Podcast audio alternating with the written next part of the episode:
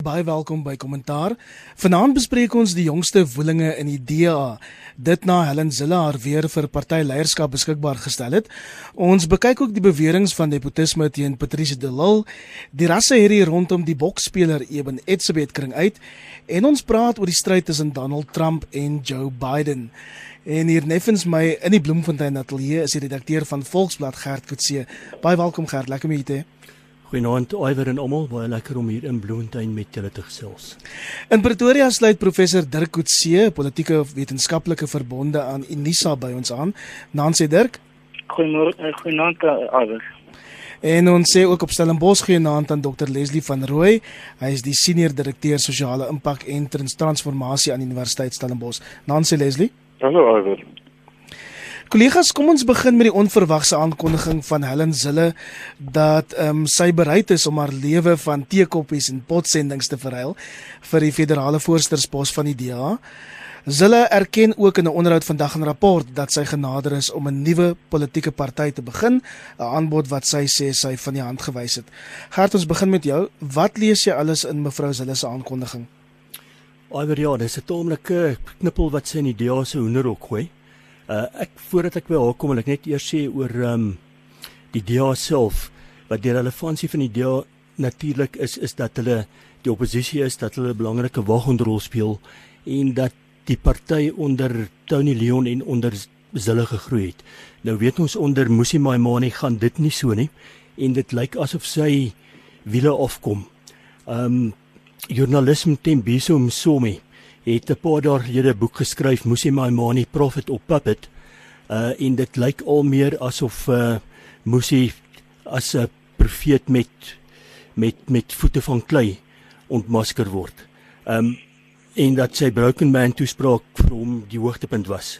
Maar nou het ons eergister gehoor dat uh Helen Zille gaan toetree tot die stryd om federale leierskap uh wat einde November aangewys word. En ja, Ek weet sy kom met haar eie bagasie, maar sy het 'n groot gevolg. Daar's baie mense wat van haar hou. Ek dink sy kom met die X-faktor ook. Sy het 'n onberisplike struggle geskiedenis en sy is dalk die een mens wat uh die bietjie steen wat die vryheid wat uh, die DA aan die Vryheidsfront Plus afgestaan het wat dit sou kon terugbring. Um maar dit lyk dan het sy dit sy of Ethel Trollop gaan wees asof die DA eintlik de facto 'n nuwe leier gaan kry dat die federale voorsitter amper gaan intree as die leier en moes hy gaan help om die party te bestuur wat natuurlik nie heeltemal eenvoudig gaan wees nie. En dit is die uitdaging op die korttermyn die langtermyn uitdaging die groot waarheidsmoment vir die DA gaan nog steeds die balanseertoer bly tussen hoe om swart steen te trek maar ook hoe om die historiese wit steen te bou Sê ek hoor dat jy sê dat ehm um, Helen Zille die X-faktor het, maar hoe wys is dit tog van haar om haarself as 'n hoogs omstrede en selfs verdelende politieke figuur um, be, um, beskikbaar te stel vir 'n toppos in die DA? Is sy nie besig om die party aktief in die wiele te ry nie, Leslie?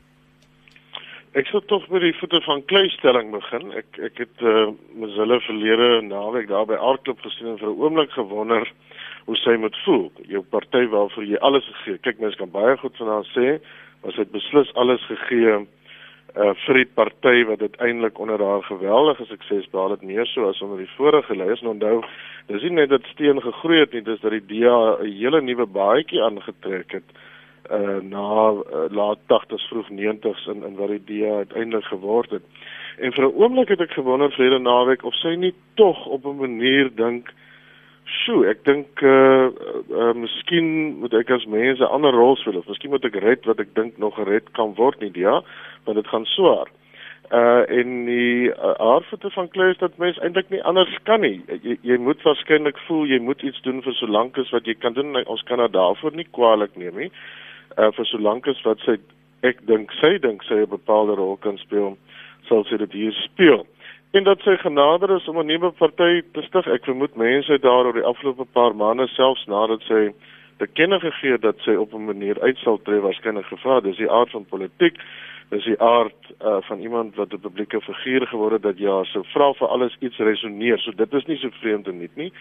Maar as jy daai vraag te veel kry en jy wonder self oor wat aangaan en of jy iets gaan verloor van jou eie beeld en jou eie impak in 'n party wat jy op 'n manier help vorm het, dan kan jy tog nie anders as om te wil probeer. Nou goed, of dit nou goed is of sleg is, dit sal ons nou moet sien, maar die feit van die saak is die DA wankel soos 'n rigtinglose party wat op een of ander manier terugkyk na 'n leier wat of is en nie is nie of was en dalk weer wil wees en uh probeer homself red. Met hulle dink ek sien daai gaping en kan eintlik nie anders om te sê op 'n manier wil ek betrokke raak. En onthou, uh, die federale strukture is eintlik maar die struktuur wat op 'n daaglikse manier die DA rig of daaglikse manier die DA aan die gang hou. So dis 'n baie magtige belangrike posisie en 'n struktuur vir die DA moet voet en as hulle sê wel hier is ek, ek sien meer kans. Dirk die DEA se federale raadsvergadering is oor 2 weke en die ander kandidaate om James self te vervang is dan nou Mike Waters en Thomas Walters. Ek moet sê ek weet baie min van Mike en Thomas af en dan die 'n vierde kandidaat Ethel Trollop. My indruk is uh, dat daar 'n gebrek is aan diepte van leierskap uh, binne die DEA. Het enige van daai drie kandidaate buiten uh, mevrou Zille wat 'n bewese rekord het, die nodige gravitas, die nodige insig om hierdie party uit sy gemors te kan red? Ehm um, ja, dit is dit weer gaan die groot iets wees, maar voor ek net vir jou geantwoord, dink ek moet ons net 'n perspektief vir die luisteraars gee. Hierdie pos is nie die die werklike kernpos in die DA nie um, net om seker te maak dat drie poste, daar is die nasionale leier wat Musi Maimane is, daar is die federale voorsitter wat op die op die oomblik Esseltrale is en daar is die voorsitter van die federale raad en die federale uitvoerende raad wat wat op die oomblik nog self is. Nou dis die posisie wat ter sprake is. So as die persoon wat hier gekies gaan word, gaan nie die leierskap in, in wese van die DA oorneem nie. Dis 'n persoon wat agter die skerms funksioneer en dis 'n persoon wat byvoorbeeld verantwoordelik is vir die dissipline binne die party wat verantwoordelik is vir al die hofsaake wat by die DA betrokke is. Um en is is 'n soort van meer van 'n strategiese denker. Um daar's 'n paneel van wat deur uh, Grant Kutsie uh, gelei word waar hulle nou herstrukturerings van die DA gaan voorstel. En dit gaan waarskynlik nog 'n groter impak maak op op hierdie spesifieke posisie. So ek dink ons moet 'n duidelikheid hê oor waaroor dit spesifiek gaan en wat nou die die moontlike rol van en Ellen Zelle of of, of Ellen uh, Ethel Trollop gaan wees. Ethel Trollop is die mees senior figuur uh, in die um, tussen die vier behalwe vir vir Ellen Zelle uh, as ons kyk na die ander drie kandidaate. Um, hy is soos ek sê die, die op hierdie stadium die federale voorsitter van die DA. Hy was die uh, hy is die leier van die Ooskaap van die DA. Um, en hy was die vorige uh, burgemeester in in Nelson Mandela Bay. So dit is ver die mees senior persoon behalwe diegene wat hier in in in Tshwane en Johannesburg die burgemeesters is um, en die premier in die Weskaap. So dit ek dink dit stel onmiddellik vir Asol Trollop op as 'n relatiewe gunsteling tussen die ander 3 wat ook in sy guns stel is dat hy kom nie van die Weskaap nie en ek dink dis 'n belangrike faktor wat hier te sprake is in die interne dinamika binne die DA. Vir baie jare lank het die Weskaap die DA heeltemal gedomeineer. Um, een van die uh, skuwe wat Helen Zille begin doen het is om die DA meer van 'n nasionale party te probeer maak in klein lettertjies. Ehm um, wat die Musi Maimane nou doen is dit om die die magsgewig of die magsbalans meer na die uh, ander provinsies ook te skuif en veral Gauteng. En as hulle hulle nou gaan terugkom gaan dit daardie ontwikkeling wat binne die DA besig is om plaas te vind. En wat 'n oorgangsproses is en wat en wat waarskynlik 'n deel is van hierdie ongelukkigheid wat daar bestaan omdat daar nou die daar skuwe besig is om plaas te vind in die in die aard en die in die identiteit van die DA en dat dit dit gaan in 'n sekere sin gaan dit terugskuif weer So ek ek dink Helen Zille uit daardie oogpunt is nie noodwendig in 'n baie sterk posisie nie. Um die feit dat sy 'n rol gespeel het binne die DA en my meeste mense het aanvaar sy dit afgehandel, gaan dit baie moeilik vir haar maak om terug te kom en eintlik 'n aanspraak te kan maak dat sy weer weer werklik 'n rol binne die DA kan speel want teen die einde van haar periode um, as nasionale leier van die DA en ook as premier nou van van die Weskaap het sy in groot mate gesê my taak is afgehandel. En ek dink dit dis die gaan vir haar die baie moeilik wees om daardie uh diskurs te kan verander deur te sê maar dit het nou verander sonder dat sy uiteindelik gesien word as iemand wat in 'n groot mate die nie kan 'n breek maak met die rol wat sy binne die DA gespeel het die afgelope baie jare nou nie. Ja, dit het gelede Ryan Kutse die strateeg wat die DA daar ingeroep het, ehm um, sy naam genoem en ons lees vandag in die Sunday Times dat Ryan Kutse, Tony Leon en een van die kandidate wat nou um, met mevrou Zille gaan meeding, deel was van 'n afvaardiging wat Musi Maimani gevra het om om eerder te bedank. Musi Maimani het volgens die berig um, van die hand gewys. Gert, hoe veilig is Musi Maimani se toekoms as die DA leier? Ek dink op die korttermyn is dit die besluit vir die party geneem het. Uh en dat hulle hom ook so ver moontlik sal steun. Um kyk die eerste volgende groot waterskeiding sal wees hoe vaar die DA in die munisipale verkiesings in 2021 en dan kom al weer 'n verkiesing in 2023. Um 'n mens weet nie wat jy nie weet nie. So hoe lank moes hy gaan hou weet 'n mens nie. Maar ek kan regtig nie sien dat hy nog 'n volgende termyn hierna sal sal oorleef nie, maar dan is die vraag ook wie is die volgende leier wat na vore gaan kom in die DA en hoe gaan die DA homself in hierdie uh oorgangstydperk wat ook kom, hoe gaan hy homself posisioneer vir vir vorentoe? Die kommentaarpaneel het verlede week daaroor gekookus juis en um, verlede week se paneel kon nie 'n uh, 'n uh, 'n logiese opvolger vir Musi Maimani vind nie. Miskien is dit veiliger om om eerder te vra um, Leslie hoe lank nog voor die valbal meneer Maimani tref want dit is duidelik um, uit die media en en, en die sosiale media dat daar planne is om van uh, Musi ontslae te raak. Ja, dis waarskynlik dat hy nie na sy termyn as hy so lank sal aangaan nie. Maar dit is dit is juist die belangrike punt. Die die vraag oor die DA is wie die DA is en wat die hart van die DA is en en wie en wat die DA moet verteenwoordig in sy rol as op, oppositieleier. Gert van der Westhuizen dink ek het 'n uitstekende stuk geskryf uh wat aandui hoe belangrik dit is dat ons 'n sterk oppositie het en veral hoekom die DA dalk die geskikste daarvoor is om 'n stem soos mevrou Zille te hê wat ewe skielik sê ek is weer bereid nadat ons haar gegroet het of op 'n manier afskeid geneem het wat dit eintlik 'n teken moet wees dat die party 'n nuwe fase binne gaan uh homself versterk in die rigting waarna hy gaan. Om nou 'n figuur te hê wat weer 'n hand opsteek en sê ek is op 'n manier weer beskikbaar om 'n rol te kan speel veral in 'n posisie wat strategie kan beïnvloed is waarskynlik die sterkste moontlike teken wat jy kan kry uh dat daar 'n wankelrigheid aan die gang is en dat meer my mane dalk nie in die beste posisie is om dit te kan uh doen nie. Dit is nou maar so dat ons na die leier kyk om te bepaal ehm um, beide wie die gesig is, wat die aard is, wat jy voorstel, wat jy sê, wanneer jy wat sê uh en en wie natuurlik na jou luister. As ons nou moet tel tussen die stemme of jy nou van haar hou en en kwaadryk vir haar tweets en en verstaan hy verweld of nie. Enige persoon wat nou die naam van Zille lees is 'n persoon wat weer 'n uh, 'n uh, 'n sterk rol wil speel veral om om op 'n manier te praat oor wie die DA is en wat die hart van die DA is moet die die sein duidelik lees dat meneer Maimane ehm um, sy posisie nie net onseker is nie maar dat sy invloed nie DA betwyfel word asof skies ons daar's jou mikrofoon aan.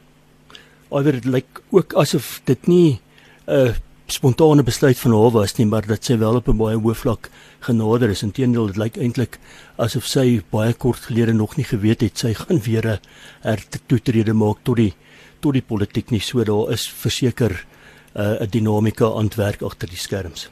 Intussen het mevrou Zille gister aangekondig dat sy haar verbintenis met die Instituut vir Rasseverhoudinge beëindig. Dit in dieselfde week as 'n meningsstuk van die instituut waar die Wes-Kaapse premier Ellen Windy as 'n plaasvervanger vir Musi Maimani voorstel en die DA het dit in 'n verklaring beskryf as naakte opportunisme. Ehm um, Dirk, ek wil jou reaksie daarop hê. Ja, ek, ek het nou vroeër hieroor gepraat. Ek dink dit is iets wat ehm um, wat die instituut versigtig moet hanteer. Um, hulle begin 'n konsentrasiepunt word van van persone wat by die DA betrokke was soos Gert et, uh, van Onsen.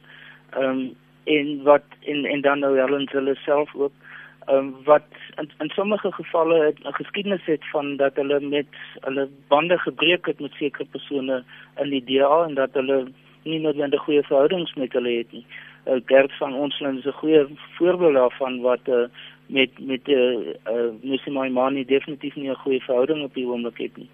So die ek, ek dink wat uh, die uh, instituut versigtig voor moet wees is hulle het natuurlik die reg om navorsing te doen en te publiseer en kommentaar te lewer.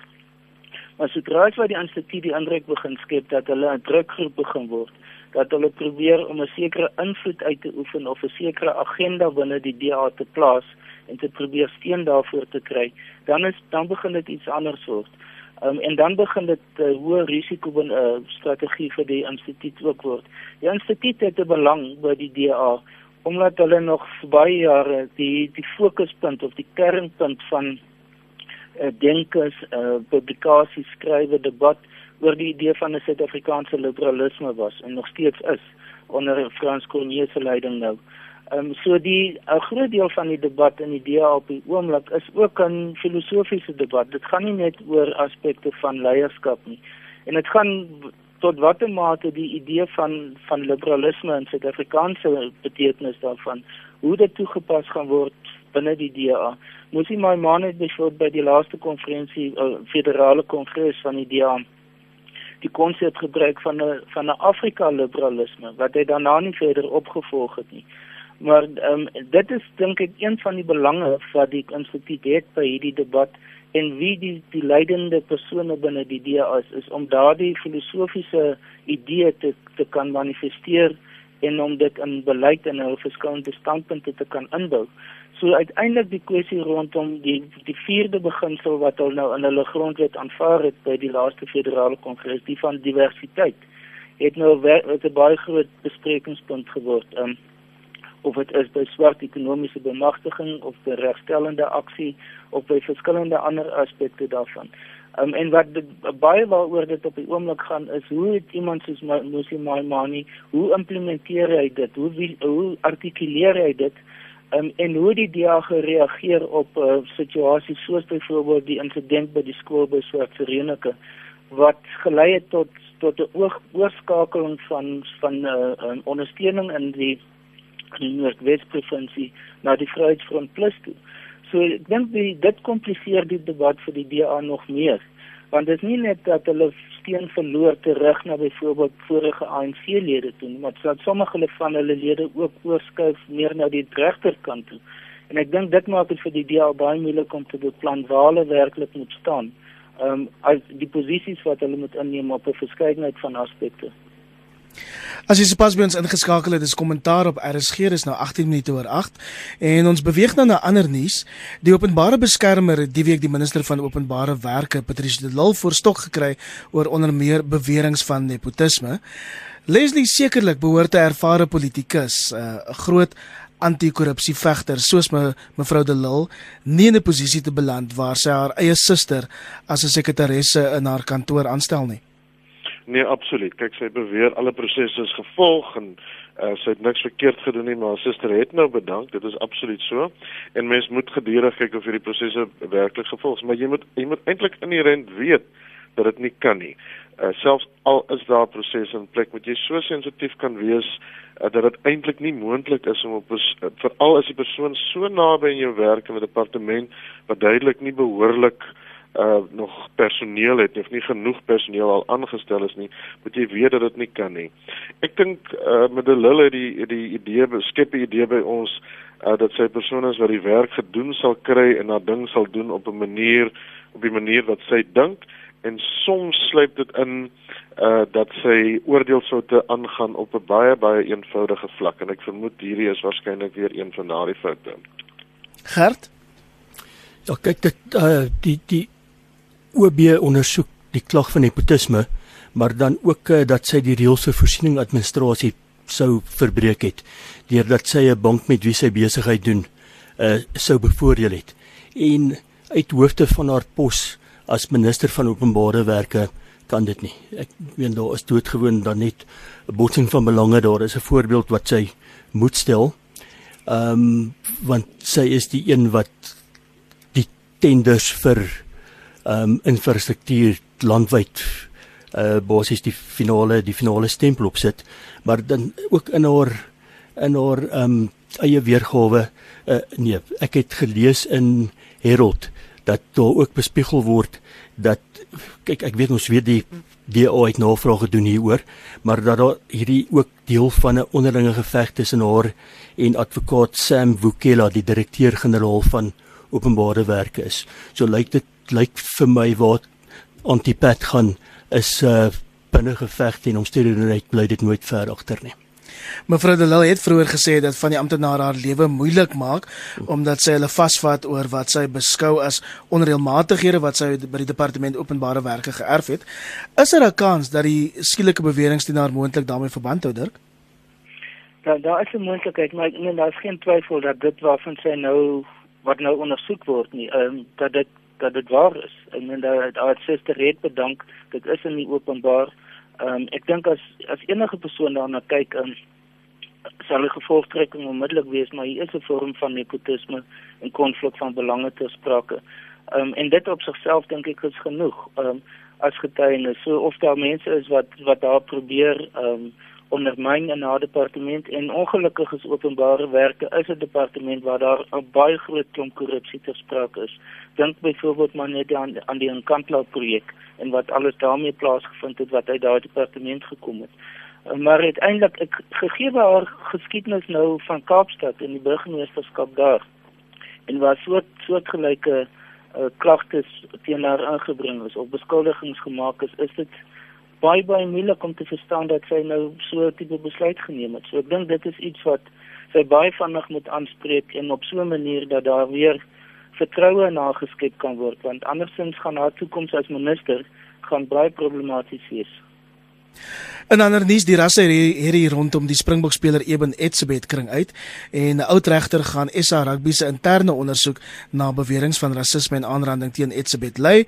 Dit terwyl beide die polisie sowel as die menseregte kommissie ook die beweringe ondersoek. So ons praat nou hier van drie verskillende ondersoeke oor die beweringe van aanranding en rasisme teen Eben Etzebeth. Gert, ehm um, woede in baie kringe kook oor. Ons het dit weer hierdie week gesien, gemeenskap van Langebaan en Saldanha Bay. Ehm um, spesifiek Ek wil my jou daarop fokus die bokke se hantering van die kwessie te middel van die wêreldbeker rugby toernooi en die refrein wat 'n mens die week gehoor het ook by die menseregte kommissie wat met die mense daar gepraat is is die bokke moes Eben Etzebeth huis toe gestuur het hangende hierdie ondersoek. Kom ons begin daar. Wel, iwer verrasie die afrigter sê hy glo in Eben se geloofwaardigheid. Uh Eben het verklaringe afgelê wat volgens sy prokureurs tot nou toe nog nie eers deur die MRK gelees is nie. En dan bly die punt uh en dit het die MRK by monde van Andrei Gam ook eers gister gesê dat uh jy bly onskuldig totdat jy skuldig bevind is. Um ek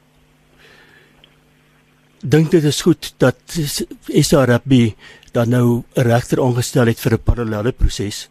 Um maar ek dink ook 'n mens moet 'n tree terugneem en emosie hier uithaal, vooroordeel hier uithaal en onthou dat beregting uh moet geskied in gevolge van bewese feite, nie aantuigings nie. Uh dit moet bo redelike twyfel wees en dat jou klaars moet ook deeglike kruisondervraging kan kan deurstaan. En ons is nog nie daar nie. Um 'n mens wens eintlik dat ander misdade in ons land ook so indringend en vinnig uh, teen opgetree kan word soos soos in hierdie geval. Maar natuurlik vir Eben is daar ook die die die die les van prominensie. Hoe meer prominent jy is, hoe meer verantwoordbaar is jy veral as jy 'n Springbok rugby speler is. Ehm um, jy jy moet weet dat jou voorbeeld 'n rol speel. Jy moet ook weet dat daar mense is wat jou seker sou kon uithaal. Ehm um, maar ek dink ook ons sportlei moet ook bedag wees op historiese redes vir gekwetstheid en daarin kan SR beseker ook 'n ook 'n rol speel. Dirk, ek is nogal bekommerd oor die integriteit van die Menseregte Kommissie na 'n reeks uitsprake weer hierdie week wat die nek haar laat reis. Onder andere dat die kommissie in soveel woorde ehm um, van hulle waarnemende regshoof Boang Jones sê ons wil 'n voorbeeld van Etsebet maak. Ehm um, hoe hoe verstaan jy dit? Ja, ek ek dink die fokus is uh, moet ook op op die menseregte kommissie wees soos wat jy sê dit aan die eerste aan die een kant is natuurlik uh, die Elisabeth se se rol wat hy daarin speel en maar ek dink die die rol van die menseregte kommissie is is hoogs belangrik. Ehm um, hulle het van tevore het hulle by ondersoeke betrokke gewees en verslae gelewer wat glad nie van goeie kwaliteit was nie. En ons by Nisa was was was onder andere betrokke by so iets en die die verslag wat uitgekom het was eintlik in 'n groot mate onbruikbaar. Uh, so die die kwaliteit van leiding en van van die kwaliteit van van werk wat deur die menseregte kommissie gedoen moet word, sal definitief opgeskerp moet word. Ek dink dis omtrent laas onder leiding van Dr. Bami Pajana waar die menseregte kommissie werklik prominent was en 'n rol gespeel het en nie net individuele insidente probeer ondersoek het nie. En in in 'n groot mate aan hulle mandaat voldoen het van van die grondwet en dit is baie meer as net om individuele uh, insidente te ondersoek. Um, hulle vir die verhouding met die gelykheidshof is ook 'n baie belangrike aspek daarvan want soos nou in hierdie geval verwys hulle sekere sake of van hulle uh, ondersoeke na die gelykheidshof uh, toe. Ek dink wat die wat die menseregte kommissie sal moet doen is is dat hulle sal meer moet begin konsentreer op nie net op die uh ondersoek soos ek sê van individuele insidente nie maar ook om hulle groter mandaat oor die bevordering en die groter respek kweek vir menseregte in die algemeen in Suid-Afrika om dit baie meer prominent te doen. Um, om groter leiding te gee oor byvoorbeeld um, die die tipe woorde wat mense gebruik. Hier gaan dit nou baie oor woordgebruik, oor die tipe van aanspreek van mense, die mens die idee van respek en van ehm um, hoe om mense te, te om medemense te hanteer. Alle aspekte binne menseregte kultuur is is is die verantwoordelikheid van die menseregte kommissie.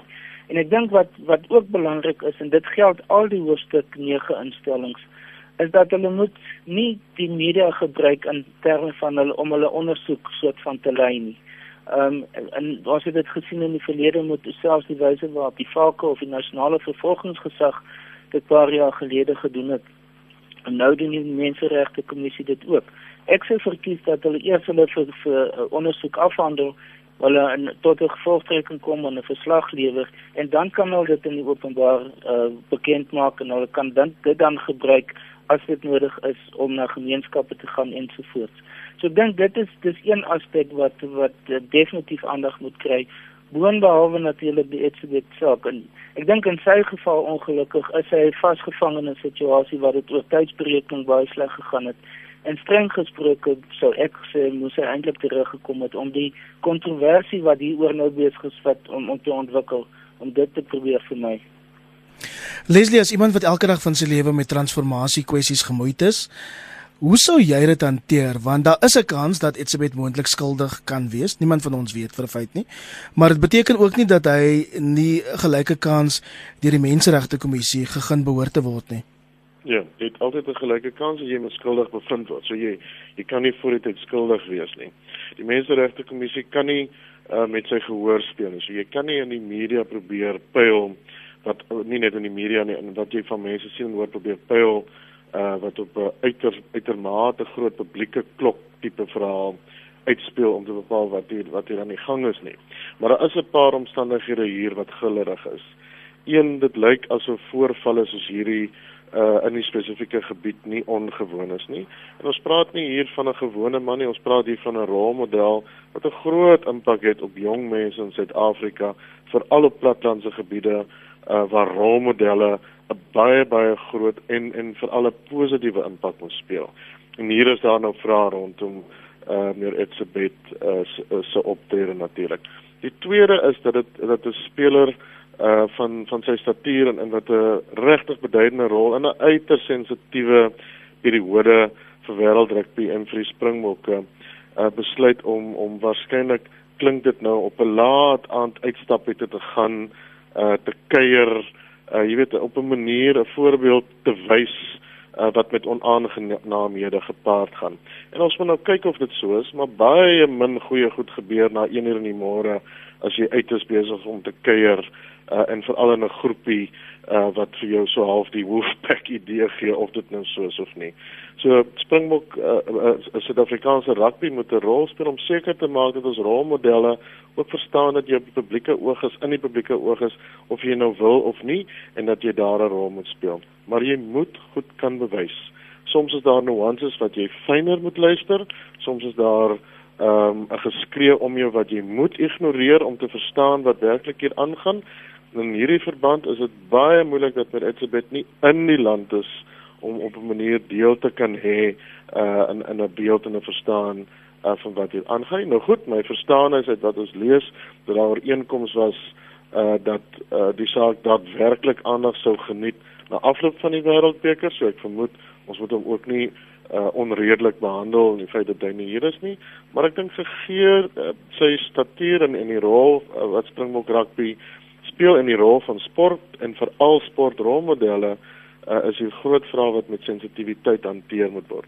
Maar ek dink Dirk is heeltemal reg.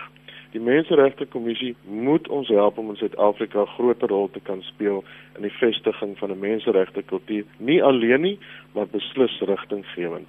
In die tweede vlak moet ons seker maak dat ons die Menseregte Kommissie verantwoordelik hou om 'n baie goeie ondersoek te doen want hier is baie op die spel.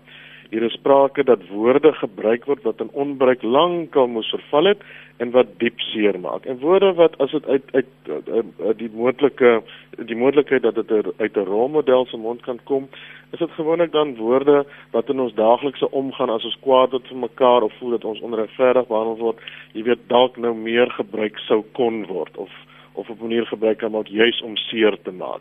So die menseregte menseregte kommissie moet op 'n uiters sensitiewe manier hiermee omgaan. Alle feite moet op die tafel wees, die nuances van die saak moet hier gebruik word, die konteks van die saak er moet in ag geneem word en jy moet soms van die geraas om jou ontslaa raak om seker te maak dat jy hoor wat die goed is wat bepalend is uh, vir hierdie saak. Maar ek dink dis goed dat dit op meer as een vlak ondersoek word, ehm um, sodat daar ook ehm um, lig gewerp kan word vanuit verskillende hoeke. Ons beweeg nou na die FSA waar pogings om president Donald Trump in 'n staat van beskuldiging te plaas, um, spoed begin optel.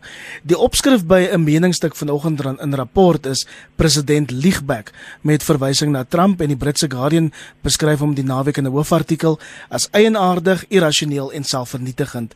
Dirk, het meneer Trump reg opgetree um, deur China te vra om Joe Biden, een van sy grootste politieke teenstanders, te ondersoek. Ons het gesien hoe Trump herhaaldelik die week gesê het dis sy volste reg. Wat ek verstaan en wat ek hoor van die Amerikaanse kant af is dit bloot onwettig. Ehm um, dat as daar 'n uh, verkiesingsproses aan die gang is en dit is wat reeds besig is om te gebeur met die voorverkiesings wat uh, vroeg volgende jaar gaan plaasvind, maar die verkiesingsveldtogte wat 100% aan die gang is, um, dat as daar hulp van buite afkom, van buite Amerika, is dit onwettig in, ter, in terme van hulle verkiesingswetgewing. So dit dit op sigself is hoogs dis hoogs problematies. Die die tweede is die feit dat dit 'n uh, groepering of lande insluit wat wat nie noodwendig beskou kan word as in terme van hulle demokratiese status as baie hoog op die lys nie. So dit is lande wat soms in, uit 'n bloot uit 'n politieke oogpunt relatief bedenklik is. Um, en om hulle as jou bondgenote te probeer gebruik as die, as die president van Amerika is dis vir die meeste mense is dit baie problematies om om dit uh, te kan aanvaar. Um, die die feit dat hy probeer uh, ek meen na die Miller verslag wat gegaan het oor moontlike inmenging van die Russe in die vorige verkiesing dat president uh, Trump eintlik in 'n sekere sin dit heeltemal nou ignoreer en sê wel ek gaan dit nou openlik doen uh om ander lande betrokke te te maak by die verkiesing. Ek dink dit is 'n verdere komplikasie. Um en en dit is hoekom nou met die die jongste uh blootlegging wat plaasgevind het van van die Oekraïne en sy kontak met die Oekraïne in die eerste instansie. Hoekom dit so 'n dramatiese wending veroorsaak het in die kongres en die feit dat daar nou hierdie onamptelike ondersoeke nou besig is om plaas te vind. So ek dink dit is dit moet 'n teken wees vir vir president uh, Trump dat hy het uh, hy het hy het geen heeltemal oorskry um, en dat wat hy vorentoe gaan doen as hy nie voortgaan gaan dit teen op op 'n baie hoë risiko wees wat hy dit gaan doen. Ek dink wat die die die bedoeling van die van die demokrate is in die huis van verteenwoordigers, hulle weet dat die die hulle nie uiteindelik 'n 2 2/3 meerderheid in die in die senaat gaan kry nie. Maar as hierdie proses soveel as moontlik van skade kan veroorsaak vir die republikeine en spesifiek vir president Trump kan dit moontlik sy populariteit verminder en 'n mens moet onthou hy 3 miljoen stemme minder as uh, Hillary Clinton gekry in die vorige verkiesing uit wel hoeveel die meerderheid verteenwoordigers stemme gekry. So dit beteken dit was 'n 50-50 verdeling en enige mate van skuif in die realiteit onder kiesers um, kan uiteindelik negatief vir president Trump wees. Gert, hoe sien jy dit? Mens kan sê van Trump wat hy wil, maar hy is nog steeds die man in die presidensiële stoel. En dit is waar die uitdaging ook dan vir die demokrate lê, uh veral met volgende jaar se verkiesing. Uh en natuurlik kom die impeachment om hom nou in 'n staat van beskuldiging te stel en sou hulle daan slaag as 'n guldige geleentheid. Uh want hulle dilemma herinner my nogal aan die uh DA se hier in Suid-Afrika. Hulle het ook nie regtig 'n leier wat die verbeelding aangryp nie. Joe Biden uh is uh 76 sou hy president word volgende jaar as hy die oudste Amerikaanse president ooit 78. Die ander twee sterk kandidaate, Elizabeth Warren en Bernie Sanders is albei ouer as 70. So sou hulle voortydig uh korte mette van Trump kon maak sou dit vir hulle 'n welkome meevaller wees. Leslie, ons het nog so 'n minuut of wat. Ehm um, Joe Biden is nie noodwendig onskuldig in hierdie geveg nie. Ek sien hy tweet ehm um, ehm um, wat het hy getweet? Donald Trump is die definisie van korrupsie. Ek dink hy het nou nie gehoor van Jacob Zuma nie.